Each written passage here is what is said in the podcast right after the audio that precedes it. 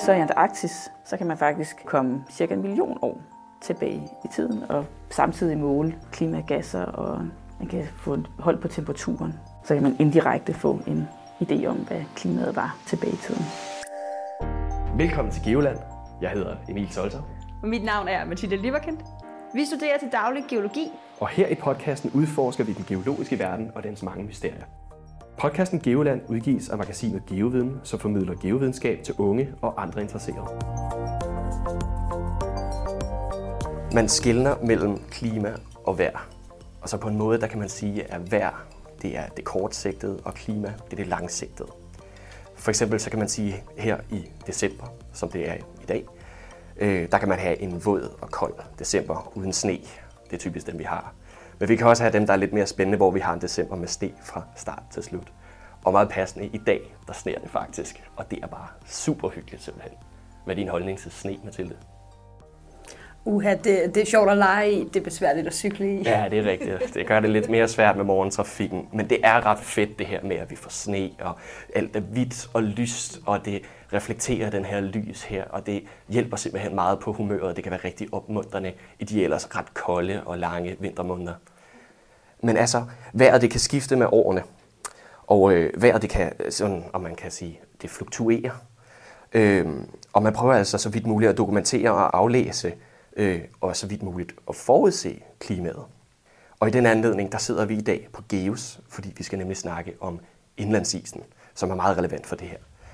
Fordi når man snakker om indlandsisen, så har vejr og klima selvfølgelig også en betydning for isens massebalance. Og når man siger massebalance, så vil det sige det her balance mellem den is og sne, der smelter og brækker af, øh, og også den sne, is, vand, som kommer ned på indlandsisen som nedbør og bliver til en del af indlandsisen. Og mange af de folk, der studerer indlandsisen, de er faktisk danske, og det er ret sejt. Og i den anledning, så skal vi snakke med dagens ekspert, som er Anne Munk Solgaard. Og tusind tak, fordi vi måtte komme og besøge dig i dag. Jamen, det er bare så hyggeligt. Jeg hedder Anne Solgaard, og jeg er øh, seniorforsker her ved afdelingen for glaciologi og klima på GEOS, som er Danmarks og Grønlands geologiske undersøgelse. Og øh, i vores afdeling beskæftiger vi os rigtig meget med indlandsisen, og hvordan man kan måle massebalancen. Ja, så hvor meget der smelter, og hvor meget der sner, øh, for at finde ud af, øh, hvad, hvad tilstanden er for den, og forstå, hvad for nogle processer, der er afgørende for den så vil jeg gerne lige til at spørge, indlandsisen, er det en fælles betegnelse for al is, eller er det et bestemt sted på kloden? Ja, det er et bestemt sted på kloden. Det er den iskappe, som vi øh, har i Grønland. Og øh, det er en rigtig stor klump af is. Der er, hvad hedder det, cirka 3 millioner øh, kubikkilometer is. Og det kan jo godt være lidt svært at forestille sig. Men hvis, man kan forestille hvis det hele smeltede, og vi hældte det ud i verdenshavene, så ville de i gennemsnit stige 7 meter.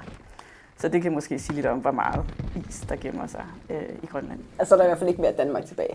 Ah, så flad er Danmark heller ikke, men det vil da helt sikkert have en kæmpe betydning for os i Danmark. Og dertil så er det også ret relevant at overvåge indlandsisen for ligesom at få en idé om den masse balance, hvor meget er det, der går ud i verdens havene, øh, og hvor meget det påvirker øh, vandstanden. Ja, og hvad er indlandsisens tilstand nu og her, og holde øje med det. Hvordan er det, I gør det helt konkret? Jamen, øh, vi har øh, i vores afdeling to store øh, moniteringsprogrammer, så overvågningsprogrammer. Så vi overvåger indlandsisen på forskellige vis. Og øh, de to programmer, de hedder Promise og GCNet.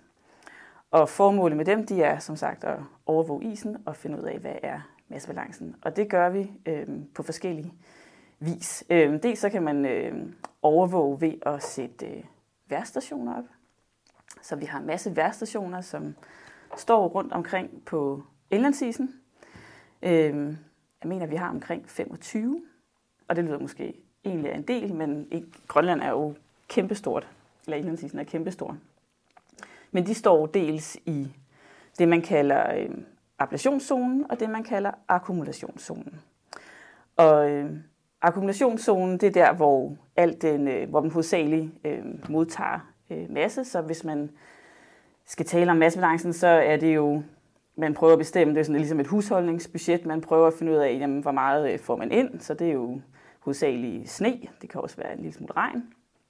Og så hvor mange udgifter har man, altså hvor meget massetab har man, og det kan være både fra smeltning fra overfladen, det kan også være øh, kælving fra, øh, fra de gletsjere, der løber ud i havet, og så er der også en masse mindre ting. Det kan være smeltning ved bunden eller sublimation, altså at det simpelthen går fra at være sne eller is til at være direkte op i vanddamp.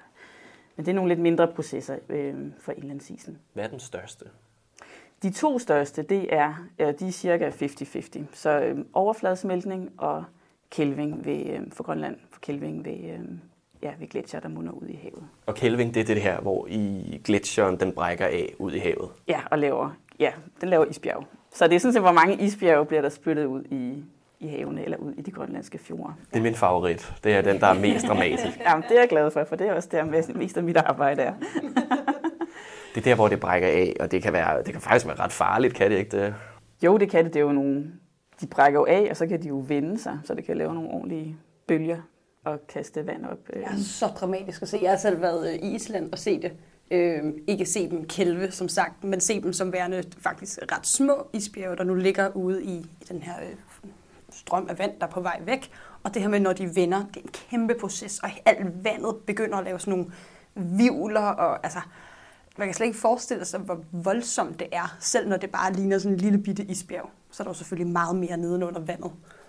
Det meget dramatisk. Har du egentlig set en, øh, et isbjerg vende sig så? Ja. Det har du? Ja. Nej, En fedt. lille en. Men det, men det var stadig godt. Og så var der sæler omkring, wow. som, som svømmede væk. Jeg var faktisk del af en bachelorprojekt også, øh, Lauke Kokskibet, et krigsskib, der laver øh, patruljer rundt omkring i Grønland, hvor vi samlede øh, isbjergsprøver fra Silve isbjergene. Og det var altså også en lidt semifarlig proces, og der skulle altså der, der skulle debatteres lidt om, om, om det overhovedet øh, var forsvarligt at gøre, fordi de her isbjerge her, de kan netop vende når som helst. Øh, men vi fik de isbjergsprøver, og så fik vi lavet nogle analyser på det. Øh, og noget af det sediment, som de bærer med sig, som man kalder for ice rafted debris. Det var et rigtig sjovt projekt.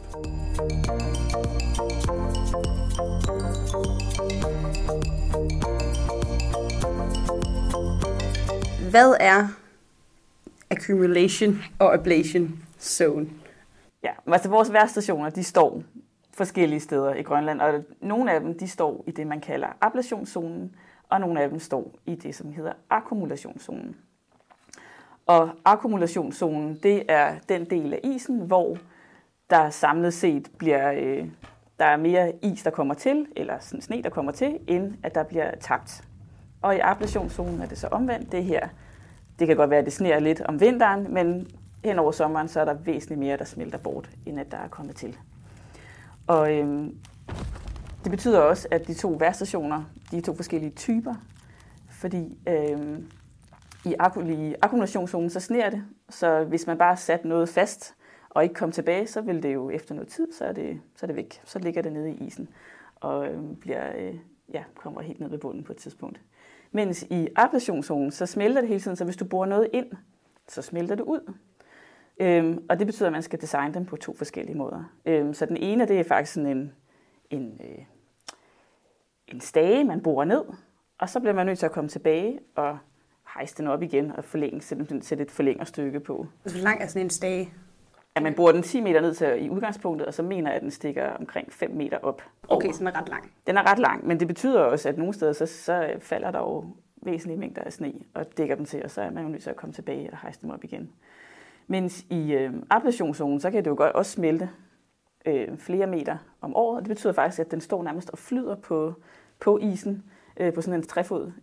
Og den har endda også sådan nogle små fødder, og det gør jo også sådan, at den sejler på, øh, på isen, kan man sige. Ikke? Det er ligesom sådan en bøje ude i vandet. Ja, det går så væsentligt langsommere. Men man kan faktisk godt se, øh, at den sådan bevæger sig, når isen den smelter. Ja. Hvad er det for noget data, som de her værstationer de helt konkret samler? ja, det er jo øh, typisk øh, meteorologiske data, så alt det, man kunne forestille sig, sådan temperatur, øh, hvor meget blæser det, hvor kommer vinden fra, øh, indstråling og udstråling, så altså kortbølget og langbølgestråling, så det vil sige, hvad kommer der fra solen, og man kan også holde øje med, at det overskyet, så er der meget langbølget stråling, og hvor meget bliver der øh, strålet ud øh, fra isen, altså hvad er temperaturen på overfladen. Så måler vi også temperatur ned i isen, Vi har også en GPS på, som man kan bruge til at holde øje dels med, hvor den er, men også øh, selvfølgelig følge isens bevægelse.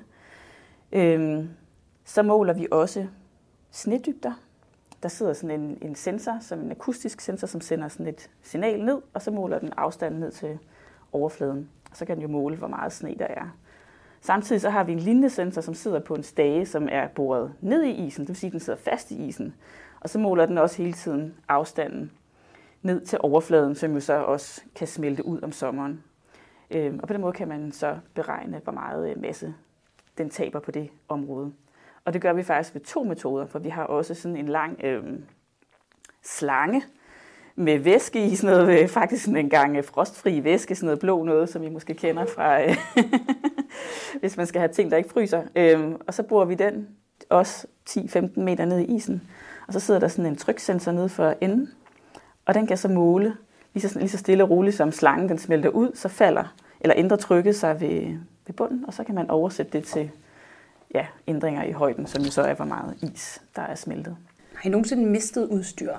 Altså som, altså som isen ja. ligesom opsluger og fører Jamen, det er jo den ene metode. Den anden metode er jo også, at det, det, det kan godt være ret voldsomt vejr.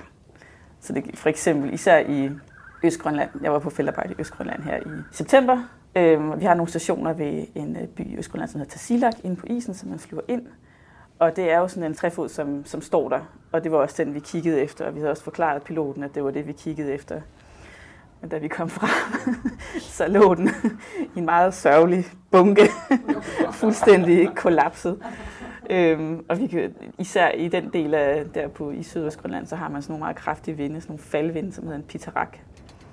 Og vi kunne gå, ja, så den er simpelthen blevet kollapset i en ordentlig storm. Og den næste station, vi kom ned til, den var også blevet... Den, altså, det er jo sådan, ja, den står på tre ben, og så er der en ordentlig stang op, men den var ligesom blevet lagt ned også af noget ordentligt blæsvær.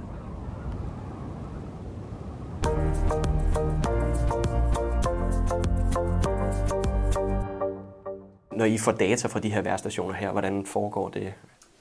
Det foregår også på forskellige vis. Faktisk så kan man, skal vi følge det live. Vi, øh, så det er live overvågning, vi snakker om her. Vi kan, øh, den sender hver 10. minut.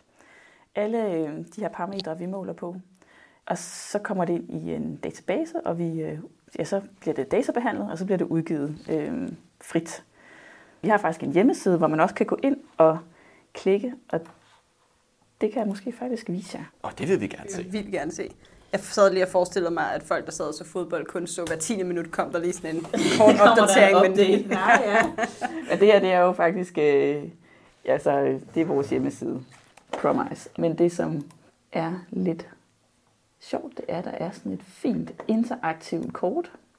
Det, man ser her, det er et kort over Grønland med indlandsisen, og så er der en masse øh, grønne og røde cirkler på, og de repræsenterer hver især en, øh, en værstation, som står og sender. Og de værstationer, som vi faktisk lige snakkede om før, som vi har nede i Østgrønland til Silak, hvor det kan blæse rigtig voldsomt til dem hernede. Og der blæser det også ganske fornuftigt lige for tiden. Kan vi se omkring 16 meter i sekundet, kan vi gå ind og holde øje. Og så viser vi os, hvor koldt det er, eller hvor varmt det er, og så den indgående stråling. Jeg kan se, at de er sådan lidt jævnt fordelt rundt omkring. Nogle af dem er tættere ind mod indlandsisen, i midten for eksempel. Og så er der nogle langs kysten. Det er det her med, at vi snakker om de to zoner øh, med nogle svære ord. Hvad var det, du sagde, de hed? Akkumulationszonen, det er det indre, de indre dele, så det er det inderste af isen. Yes. Og så har vi de yderste, det er så i ablationszonen. Der var den. Yes. Ja. Der må også være nogle årstidsvariationer, tænker jeg, øh, og det kan variere fra år til år med massebudgettet. Hvad er det så, I har set her på det sidste? Jamen, vi ser, som du siger, der er store variationer, men vi, øh, og for eksempel i 2012 var et år, hvor der blev mistet rigtig meget masse, og så er der indimellem nogle år, hvor den bliver ved med at overordnet set at miste masse, men måske i mindre grad end tidligere. Øhm, så i, i gennemsnit sådan over de sidste ja, 25 år, så øh, det massetab, der har været, er cirka hvad der svarer til en, en halv millimeter om året fordelt ud over verdenshavene.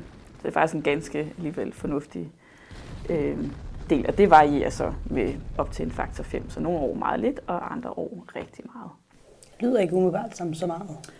Nej, men det kan det jo komme til. Ja, jo, jo, jo, selvfølgelig. Da. Det skal man ikke undervurdere. Det bliver, det bliver det med tiden. Og øh, så det vi bruger værstationerne til, det fortæller jo om alt, hvad der sker på overfladen. Og til at forstå de processer, der er der, og til at forbedre klimamodeller øh, og værmodeller.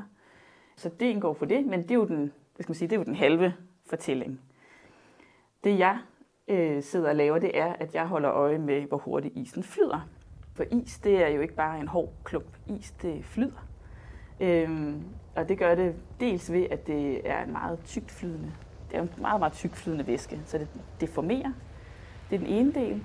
Og nogle steder, jo længere man kommer ud mod randen, så øh, glider den også hen over øh, bunden. Altså så ligesom hvis man tager en isterning og, og begynder at med egen kraft begynder masen frem hen over en overflade. Ja, bortset fra det, så er tyngdekraften, der driver det her. Og den er meget større end en isterning. Den er også meget større end en isterning. Den skøjter simpelthen. Det er meget hyggeligt. Ja, og det afhænger så af, hvad der sker ved, hvilke processer der sker ved, ved bunden. Øhm, og der er typisk en, en stor sammenhæng til, hvor meget øh, om der er smeltevand, kan komme smeltevand ved bunden, enten fra overfladen eller simpelthen bare fra, at den smelter øh, ved bunden. Kan man også mærke, hvis man selv bevæger sin hånd hen over et bord, så kan man godt mærke, at man, øh, der er noget friktion, og det giver noget varme, og den varme den kommer direkte op i isen og øh, øger isens temperatur. Så det smelter også fra bunden, dels ved den proces, og dels ved, at der også kommer varme op af jorden. Øh, geoterm varme, og så også bare, at smeltevand, der kommer ned, det bringer en masse energi med sig, som også kan, blive, kan også kan smelte vand ved bunden.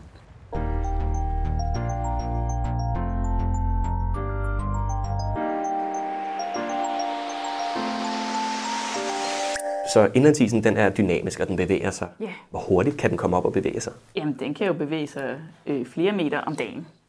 Flere meter om dagen, det er så alligevel også en del. meget. Det er ret meget. Det er ret meget. Er det sådan, man kan næsten se det med øjnene, når den bevæger sig, eller? Ja, så når det er flere meter, så kan man jo godt stå og, øh, og se det. Så vil man godt, hvis man satte en sten eller et eller andet, så kunne man sagtens føle den. Okay. Og nu vender jeg lige min computer lodret her. Der findes også en grønlandsval. Den, den, er, Ja. den er ikke lige så stor som øh, blåvalen og ting. Den er simpelthen så langsom. Den svømmer, svømmer kun 2,5 km om dagen. Altså det er jo næsten lige så hurtigt, som isen bevæger sig.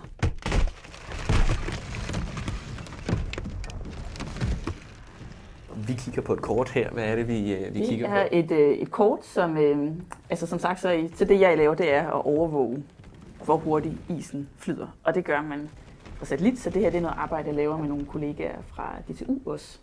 Så vi henter en masse satellitdata ned og processerer det, og det er en, en radarsatellit, som tager billeder, eller kan man sige, af, af indlandsisen, og så kommer den tilbage 6 dage senere eller 12 dage senere og tager et lignende billede. Og så kan man ved at sammenligne de to billeder se på, hvor meget har isen forskudt sig. Øh, og det kan man så omregne til en hastighed. Så det gør vi. Øh, vi henter rigtig, rigtig mange billeder, som vi nok kan øh, tænke her, øh, og processerer dem og sætter sammen til et kort. Og faktisk laver vi kort hver, nyt kort hver 12. dag, så vi kan faktisk følge i ret høj opløsning, høj tidslig opløsning med, hvordan de forskellige gletsjer bevæger sig. Så det her, det kort øh, fortalt, det er et kort over Grønland med nogle øh, varme farver. Og hvis man kigger langs randen, øh, så bliver farverne mere og mere varme. Og det er så et udtryk for, at øh, de her steder langs randen, der får de ekstra meget fart på. Eller Ja, der flyder de hurtigt. Så jo, når du kommer op i det røde eller det lille, så bevæger vi os i, så er vi oppe i meter øh, skalaen, så der bevæger det sig meter om dagen. Så det er det om dagen. Så de hurtigste gletsjer i Grønland, det er Jakobshavn eller Sermiquelec, som er her i øh, Vestgrønland ud for Disco-øen. Øh, Men der er også andre hurtige, for eksempel øh, Helheim Gletscher, som ligger i øh, Østgrønland, bevæger sig også meget hurtigt og sender rigtig mange isbjerge øh, ud hver dag. Så de hurtige, den, øh, isen flyder langsomt inde på midten. Der er det i millimeter eller centimeter øh, om dagen. Mens at ude langs randen, der har vi de her udløbsgletsjere. Dem, som løber ud i havet, det er også dem, som bevæger sig hurtigst. Så kan I regne ud, hvor gammel en gletsjer eller et stykke is kan være, fra det kommer ned som nedbør, lander et sted i midten af Grønland, og så bliver ført ud til randen, hvor det så kælver eller smelter af. Ja, det kan man godt regne ud. Så, ja, så bruger man en numerisk model. Ja, for som du siger, så især hvis øh, isen falder inden fra ved midten, så øh, hvis man forestiller sig isen, den, hvis man skar den midt igennem, så har du sådan en halv bue, øh, eller halvcirkel. Øh, så inde på midten, hvis den falder ind på midten, så vil den blive transporteret helt ned mod bunden, og så vil den have en rigtig lang vej ud til øh, kanten af, af isen.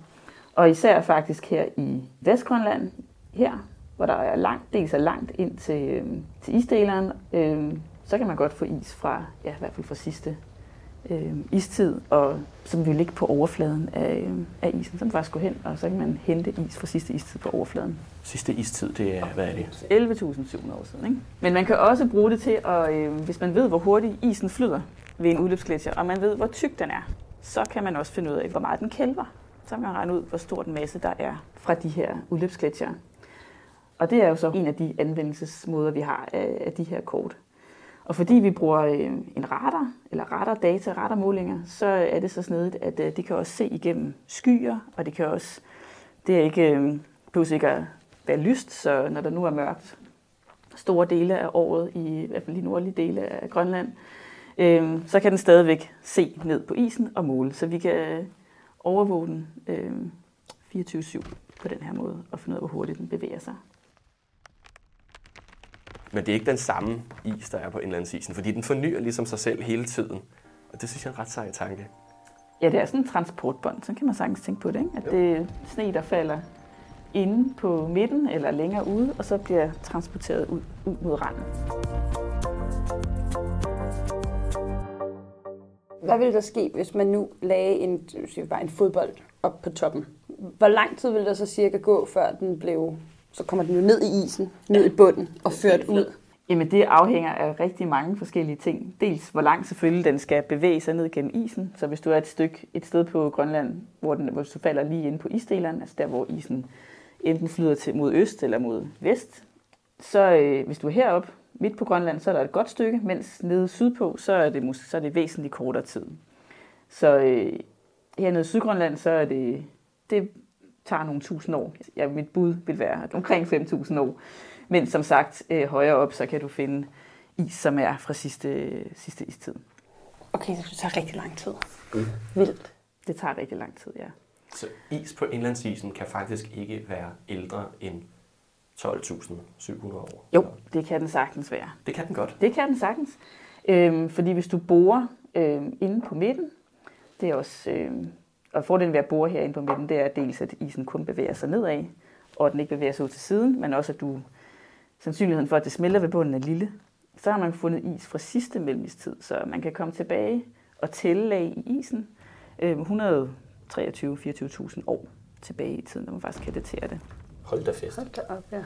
Og der er det lidt øh, anderledes, fordi i Grønland så falder der mere sne end i Antarktis. Så selvom at de er nogenlunde lige tykke, så i Antarktis, så kan man faktisk øh, komme cirka en million år tilbage øh, i tiden, og samtidig måle øh, klimagasser, og man kan få hold på temperaturen. Øh, så det kan man få ved at bore iskerner inde på, øh, på midten. Så kan man indirekte få en idé om, hvad klimaet var, og måle på, hvad klimaet var tilbage i tiden. Og hvordan er det? Man borer en, en klump is op, og så tager man den og daterer. Er det sådan, man gjorde? Ja, man bruger sådan nogle kerner, som er cirka 10 cm i, øh, i diameter, ikke? og indlandsisen på midten den er cirka 3 km tyk. Øhm, så bruger man de her øhm, kerner, som jo er cirka en meter lange hver gang. Så du kan, I kan forestille jer, hvor mange gange man skal op og ned. Og der kan man faktisk ved at se på de vandmolekyler, som er i isen, så kan man jo så se på, hvordan de er sammensat af de øh, iltatomer og brintatomer. Der er nogle forskellige isotoper, man kan måle på, som kan fortælle noget om, hvad temperaturen var øh, tilbage øh, i tiden. Og så kan man også ved, at øh, når sneen falder inde på midten, så, øh, så i starten, så er det jo ligesom, vi kender sne. Øh, så, er der, så er den let og luftig, og så lige så langt, så falder der jo mere sne det næste år. Det er sådan, isen bliver dannet og bliver presset sammen. Men inden i sneen, så er der jo luft fra, da isen faldt, eller cirka. Det tager jo noget tid, før det lukker af. Øh, så bliver det til bobler i isen, og på de bobler kan man så måle gassen, CO2 eller metan, eller hvad man nu er interesseret i. Så isen, den skriver også dagbog med til. Det gør den i hvert fald. Du kan i hvert fald, øh, fordi du, hvis, du, man, må, hvis man bor herinde på midten, så er det så fint lavdel, i hvert fald det meste af vejen ned. Så er det lidt ligesom en bog, ikke? Du er selv på, på Grønland ind på indlandsisen hvert år, eller? Ja, det har cirka været hvert år på feltarbejde, ja. Og jeg bliver nødt til at spørge, hvordan er det at være der? Jamen, det, det er jo vildt, altså, vildt fedt, synes jeg. Og der er også meget forskel på, hvor man er henne.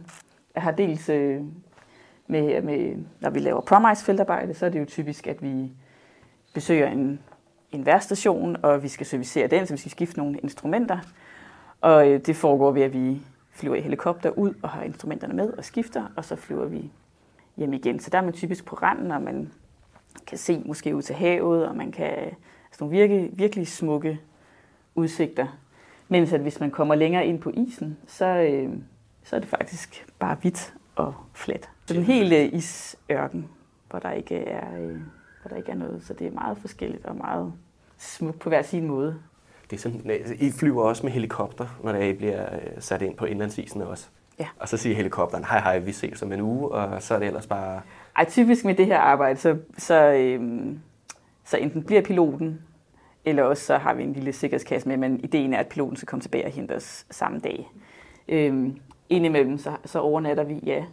Øhm, mens at hvis man skal besøge de stationer, som er øh, inde i akkumulationszonen, så foregår det ved, at øh, man flyver i et, altså et lille fly, der kan med ski på, som kan lande øh, inde på, øh, på isen. Ja. Hvordan er det farligt at være ude på indlandsisen? Øh, man skal selvfølgelig øh, være opmærksom på, hvordan man opfører sig. Øh, der kommer jo ikke lige nogen og øh, redder en, hvis man øh, falder i en, en spalte, eller man øh, borer sig selv i foden, eller man, øh, hvad man nu ellers skal komme ud for, så det man skal selvfølgelig passe på, og det bliver vi jo også uddannet i. Vi kommer på kurser, så vi kan lære at redde hinanden ud af gletsjerspalter, og hvordan man skal gøre i tilfælde af, at nogen får et ildebefindende eller kommer til skade. Man er jo sin kollegas nærmeste... eller hvis der kommer en isbjørn. Det, ja. Der går jo farlige dyr derude. Og... Det gør der også, ja. Så vi er også på, øh, på skydekursus, så vi har øh, rifle med. ja. Øhm, I Grønland har jeg ikke mødt isbjørne. Jeg har set isbjørne på Svalbard. Men det er der helt sikkert noget, man øh, lige tænker over, når man bliver sat af. At, øh, lige scanne terrænet. ja, på Svalbard, der har vi flere studerende, som også er ude på udveksling øh, det, hvert år simpelthen. De får også skydekurser, fordi de der isbjørne, de kommer altså ret tæt på byerne. Der er også et eller andet med, at der er 3.000 isbjørne og 200 indbyggere. Ja. Altså, det er en helt vildt forskudt ratio af mennesker kontra isbjørn, der er deroppe. Ja, fordi det er jo hårdt miljø, ikke? så de går faktisk ret tæt på. De skal ud og finde mad. Ikke? Så hvis man ser en, så er det jo altså, så er man nødt til at have den her våbentræning faktisk. Ja, man skal i hvert fald vide, hvad man skal gøre, og hvordan man skal opføre sig. Så det gælder jo også med alle mulige andre ting, at man skal passe på sig selv og passe på hinanden, når man er sådan nogle steder.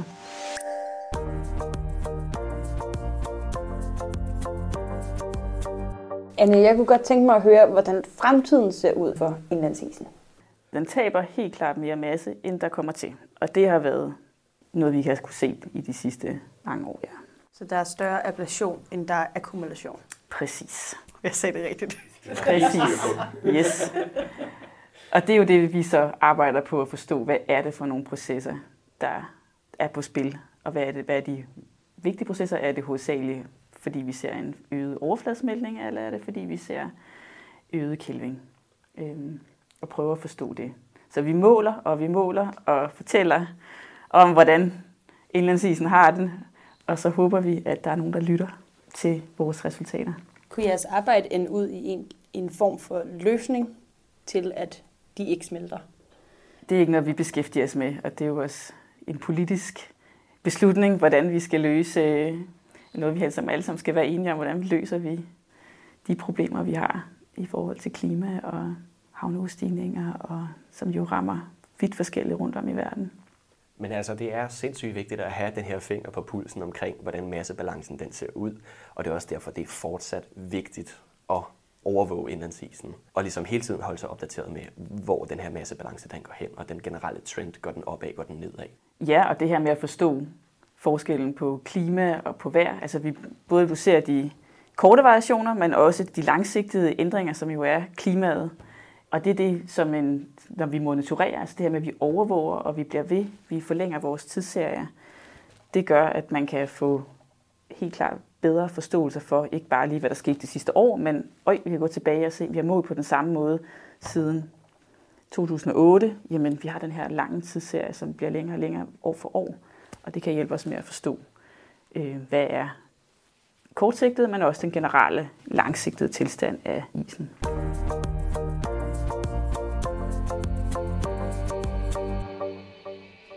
Nu er vi jo kommet udenfor og gået op på taget af Geus. Og der er en værstation. Der er faktisk to værstationer. Der er en øh, prototype, som de ser ud, når de står i ablationszonen, og det er den her, som I kan se, som har de tre fødder ud. Øh, og står på sådan et, øh, så der er en lang stang, der går op, og øverst op, så sidder der en stang på tværs, hvor der sidder en masse måleinstrumenter. Og øh, nogle af dem kan I måske næsten selv regne ud. Der er en vindsensor, ja, som både måler, hvor meget det blæser og hvad for en retning. Og så er der sådan et øh, instrument her, som sender en, øh, en lyd ud, et lydsignal ned mod jorden, og det kan den bruge til at måle, hvor langt hvor afstanden er. Og så kan man jo så måle, hvor meget, hvis det sner, så kan man måle afstanden til det, så det bliver, om det sner mere, eller om det smelter væk. Og herover så har vi, øh, det måler stråling, Okay. både hvad der kommer oppefra, langbølge og kortbølge oppefra, så fra solen og fra skyerne, og langbølge og kortbølge stråling fra, fra overfladen, ikke? så hvad der bliver reflekteret, og fra hvad der bliver øh, hvad hedder det, transporteret fra overfladen. Og så sidder der også meget vigtigt et øh, solpanel, og øh, det gør, at øh, altså, vi har et batteri, og det, kan, det er der faktisk ikke her, men normalt vil der hænge en kæmpe batteriboks nede under os for at holde det hjælper os til at sænke hvad hedder det, tyngdepunktet for værstationen. Men øh, sådan et solpanel, det er nok til at øh, lade batteriet op, og så kan det holde for det meste hen over en vinter faktisk. Øhm, og så lige så snart øh, solen står op igen og så videre, så begynder øh, for solpanelet batteriet til at lade op igen. Den er større, end jeg havde regnet med. Men jeg tror, Ja. det er, fordi jeg havde tænkt mig, at det var sådan en, der kun var altså, knap på min højde. Jeg er 71, så lytterne derude også ved det. Men den er jo, altså jeg kunne stå om på mig selv, og så vil jeg være cirka samme højde som den. Ah, lige knap. Lige knap. Den er jo bred, den har tre brede ben, og det er jo så også, fordi den skal modstå noget vind og vejr, som måske kunne vælte den omkuld, ikke? Ja, I skal også forestille jer, her står den jo på sådan et dejligt fladt gulv. Øhm, og sådan er det jo sjældent isen. Især når det smelter, så smelter den lidt, og så tit så, øhm, så tilter den over. Så det måler vi faktisk også, hvor meget den tilter. Øhm, for det har også betydning for strålingen, og for hvis man skal måle afstanden og sådan nogle ting. Ikke? Man kan korrigere for de her ting. Og så herover så den her lange pæl, den har mange af de samme instrumenter, øhm, men den står så bare boret ned i isen, eller ned i sneen, firnen, som det hedder. Ikke? Og det er den, der står i ablationszonen. Den står i akkumulationszonen. Akkumulation. Dammit! Det er der, hvor sneen falder. Ikke? Så bliver man nødt til at tage op, og så kan man indsætte et nyt stykke rør ikke? Øhm, og forlænge den. Og Ja. grave batterikassen op på samme måde. Ikke? Og den ligner faktisk også lidt det andet måleudstyr, bortset fra, at den ikke har ben, men det er jo så selvfølgelig, fordi den bliver boret ned i isen i stedet for, og så står den fast. Så står den fast på den her måde, for der smelter det ikke. Og så ud over de her ting, skal I så forestille jer, at vi bruger nogle huller i isen, dels til at måle temperaturen ned i isen, og dels til at sætte den her slange ned, som kan måle ablation. Det er så kun i ablationszonen. Det gør man selvfølgelig ikke i akkumulationszonen. Ej, hvor er det Der fedt. har man ikke brug for det. Nå, men Anne, jeg kunne godt tænke mig at høre om din personlige historie. Hvordan øh, er du havnet der, hvor du er i dag? Ja, øh, jeg tror da med, faktisk, da jeg gik i... Altså, jeg vidste ikke, man kunne læse glaciologi, som jo er det, jeg har læst, øh, som er viden om, om is. Jeg tror, at øh, da jeg gik i gymnasiet, så øh, i geografi, så havde vi noget om, om vind og vejr, og så tror jeg måske, at jeg blev lidt inspireret og tænkte, at det synes jeg var spændende, og så havde jeg samtidig fundet ud af, at jeg var rigtig glad for matematik, men jeg havde også fundet ud af, at øh, ren matematik, det var nok ikke det, jeg det var ikke der, jeg skulle kaste mig, øh, eller fortsætte. Jeg kunne rigtig godt lide at, selve det at regne. Og så fandt jeg ud af, at man kunne læse geofysik. Men på det tidspunkt, så, eller når man skal læse geofysik, det er ligesom en del af fysikstudiet på, hvert fald på Københavns Universitet. Men så skulle jeg lige øh, opgradere først, fordi i gymnasiet så havde jeg ikke fysik på A nu. Havde jeg matematik og musik. Så det skulle jeg opgradere, øh, før jeg kunne starte på universitetet. Øh, så det gjorde jeg, og så havde jeg en, en forestilling om, måske at jeg skulle læse metrologi. Men øh, så øh, under studiet, så øh, bliver man jo også introduceret til, hvad der ellers foregår. Øhm, og så var der nogen, der fortalte om, hvordan de tog op og borede iskerner på indlandsisen og viste billeder, og, og jeg synes bare, det lød virkelig spændende. og så, øh, så kunne man så vælge et kursus i glaciologi, og jeg fandt også ud af, at jeg kunne skrive et øh, bachelorprojekt, som også var glaciologi, det var ude på DTU. Og igennem det så kom jeg også på feltarbejde, og ja, så havde jeg det her øh, glaciologikursus, og så øh, tror jeg ikke rigtigt, der var nogen vej tilbage. Øhm, så, var, ja, så skulle det være is. Og så har jeg, ja, så det er jo det, jeg har fortsat med, og også været en tur på Svalbard for at læse. Der kan man øh, komme op, der er et universitet, og man kan, øh, hvor de har rigtig meget fokus på feltarbejde. Komme ud og se gletsjer og stå på ski og alle de ting. Nyde alle øh, sne og is. Big time. Øhm, ja, så det fortsatte jeg med. Skrev speciale og en PhD og som så godt nok handlede mest om paleo, øh, isen, så hvordan indlandsisen var for mange millioner år siden. Og så nu er jeg så her på GEOS, som jo handler rigtig meget om lige nu og her. Hvordan ser det ud i dag og i fremtiden. Vores tid er ved at være brugt op. Mathilde, hvad synes du har været det bedste ved i dag?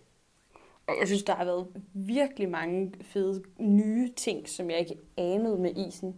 Jeg tror, noget af det, der ramte mig mest, det er det her med, øh, med alle de her værstationer. Øh, det, at man har nogle værstationer, som man skal ud og besøge, og det, man konstant observerer det, var ikke noget, jeg vidste, man gik så meget op i, og var ikke noget, jeg vidste, man samlede så meget data om. Så det kom, det kom virkelig bag på mig. Det var nemlig også lidt det, jeg skulle til at svare på. Jeg synes, det her med at have et livestream mere eller mindre af øh, måledata fra indlandsisene, hvordan du kan samle den data sammen for at sige, hvordan massebalancen den ser ud, det er virkelig, virkelig sejt. Og så det her med, at vi har alle de her seje danske øh, badass forskere, der tager ind på indlandsisen hvert år, og ligesom øh, vedligeholder de her værstationer, det synes jeg også er en fed indsigt at have.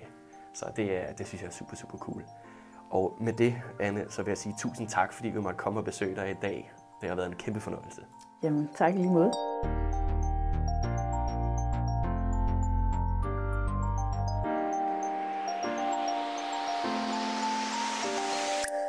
Podcasten Geoland udgives af magasinet Geoviden, som formidler geovidenskab til unge og andre interesserede.